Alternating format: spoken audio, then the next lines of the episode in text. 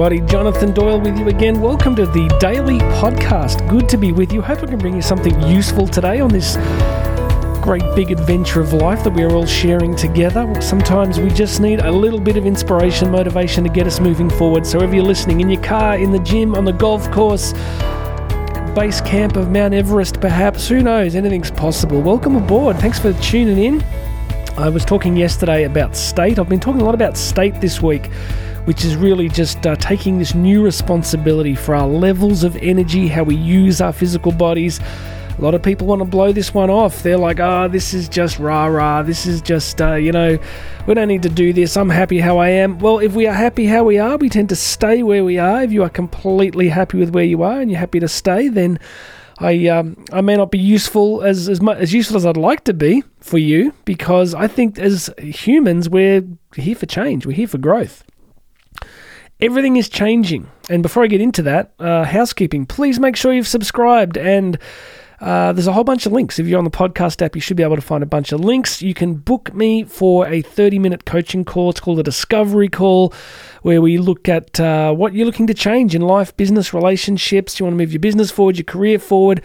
Go and book a 30 minute uh, discovery call with me and we can look uh, together about how we can get you moving forward. I love coaching people, it's a great joy to me.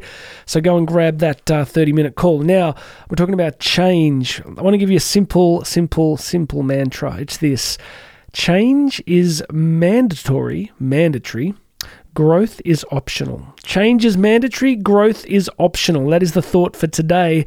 Friends, uh, this one is irrefutable, incontrovertible. It is just the nature of reality itself. Look out the window and you will notice change. You will notice the sky changing. You will notice the trees changing wherever you sometimes, you know, where we, we live here. It's, uh, it's dramatic. You come through into autumn where I live, and it's just like nature jumps out and says, Okay, we're getting ready. It's a change. Change is always happening. It is happening in your physical body. I got young kids, but I tell you what, they're not as young as they once were. And now I'm at that phase where I'm out and about and I'll see parents with really young kids and I'll be like, wow, remember that? Where'd that phase go? My kids are getting older you know, and uh, all these different changes taking place. There is nothing you can do to stop it. It is going to happen. But growth, my friend, growth is optional. What do I mean by that? What do I mean by growth? I mean, we are, you know, the old saying, we're not human beings, we're human becomings. There's this potentiality in every single one of us, what it means to be human, what we can have, be, do, and as I love to finish with, contribute. See, the goal of life, of course, is not to be the richest person in the graveyard. That seems to be our cultural fascination at the moment. Um, you know, particularly through things like social media, have influence, be recognized, live your best life, be noticed, be validated. But life is so much more than that. It's very much about contribution. You know, real happiness comes from a sense of connection, relationship, and contribution. That was that's what that is what is going to make you truly happy. So, friends, how do we grow? If change is mandatory, how do we grow? How do we become more of what we already are? I love that paradoxical statement. How do you become more of what you already are? What does that mean? It means that deep inside us is this incredibly beautiful human potential that God has given every single one of us. We've been created with this beautiful potential and capacity. How do we how do we actualize it? How do we move towards it? all I, all I want to say to you really is there are vast numbers of strategies when I'm coaching people, I often get them to the strategy point last because there's two other factors that we need to get in place first. There's kind of our physiological state, how we're feeling and how we're moving physically, and then we look at the story that we're in, the kind of cognitive architecture, the way that we've built our conceptual framework of our own lives. And once you sort that stuff out and you start looking at empowering stories for your life, you end up then strategy takes care of itself in time. But I want to give you, I guess, one at least strategic insight on this relationship between change and growth. If you want growth, the real first step is I'll say mindfulness, but I don't by that mean the kind of new concepts we have around a sort of, you know, presence meditation thing. By mindfulness, I mean having awareness, having a simple awareness that growth is optional. Beginning to think to yourself, yeah, hang on a sec, he's right change is always going to happen, but if I want to partner with growth, I have to be deliberate, I have to be conscious. And many times I've said that the world that we inhabit at the moment, because of its it's it's a it's an attention economy, it's a distraction economy, right? So so much of the time being deliberate and conscious about what we want for our lives, for the people we love, can be really overwhelmed by the sheer inundation of stuff that's coming at us all the time.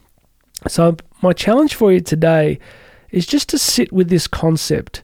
Ask yourself the question, yeah, I know I'm changing, but am I growing? What does growing look like for you? Is it a growth in intellect? Is it a growth in attainment, achievement? Is it a growth in a sense of success or well being?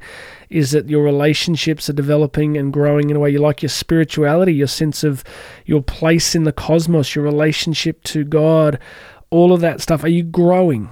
Because the nature of the cosmos itself, you know, I often talk about the second law of thermodynamics, which is what's called the law of entropy, that things are moving from a hotter state to a colder state, which means any system left to itself with no fresh inputs is cooling down, is slowing down, is moving towards entropy and death. And so, yeah, there's physical death for all of us, I guess, but it's a happy podcast, isn't it? It's there's physical death, but there's also very much the death of our dreams, the death of our potential, the death of our contribution because we're not consciously partnering with trying to move it forward. So that's my question for you today. Are you growing? Are you growing? And if you're not growing, then reach out. We can we can do some coaching. We can look at what's stopping you and get you moving forward. But even if you don't do that, are you growing? What could you do today? What could you read? What conversation could you have? What gym could you join? What walk could you go on? What thing could you do that you're avoiding doing that would get you moving forward and growing? All right?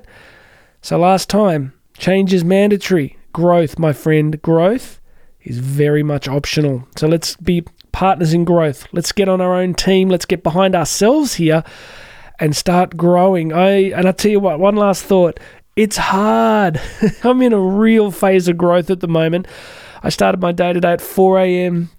I'm in here in the studio and I'm committing to a process. I'm doing a lot of sort of online study and research and thinking and and I thought to myself last night, I thought, wow, you know, growth is hard. It's so much easier just to to cruise. And when you grow, there's this tension, I think, in, in yourself. I don't know if you felt it sometimes in your life. You kind of got, you want to go back you want to go, oh, I remember, look, this is hard. It was easy before. Yeah, I wasn't happy. I wasn't where I wanted to be, but it was comfortable. That takes us into that whole great big decision, a whole great big conversation about comfort zones, doesn't it? There's a reason that we have comfort zones. It's not profound. It's because they're comfortable. It's because they're comfortable. We want to stay there. So do not be afraid if you move forward with any form of growth, if you find resistance within yourself. It's like a rocket taking off into space, you know, it needs this big this burst of fuel and energy to get it moving forward. Because once it's done that, it breaks free out of the atmosphere and has this huge expansive cosmos to explore. There's a good metaphor for you. All right, everybody, God bless. Go and book yourself a coaching call with me.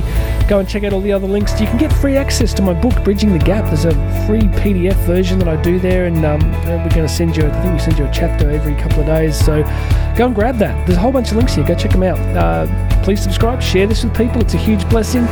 Uh, you want to reach me personally, just email me, jonathan at jonathandoyle.co.co. All right, everybody, God bless you. My name is Jonathan Doyle. This has been the Daily Podcast. You and I are going to talk again tomorrow.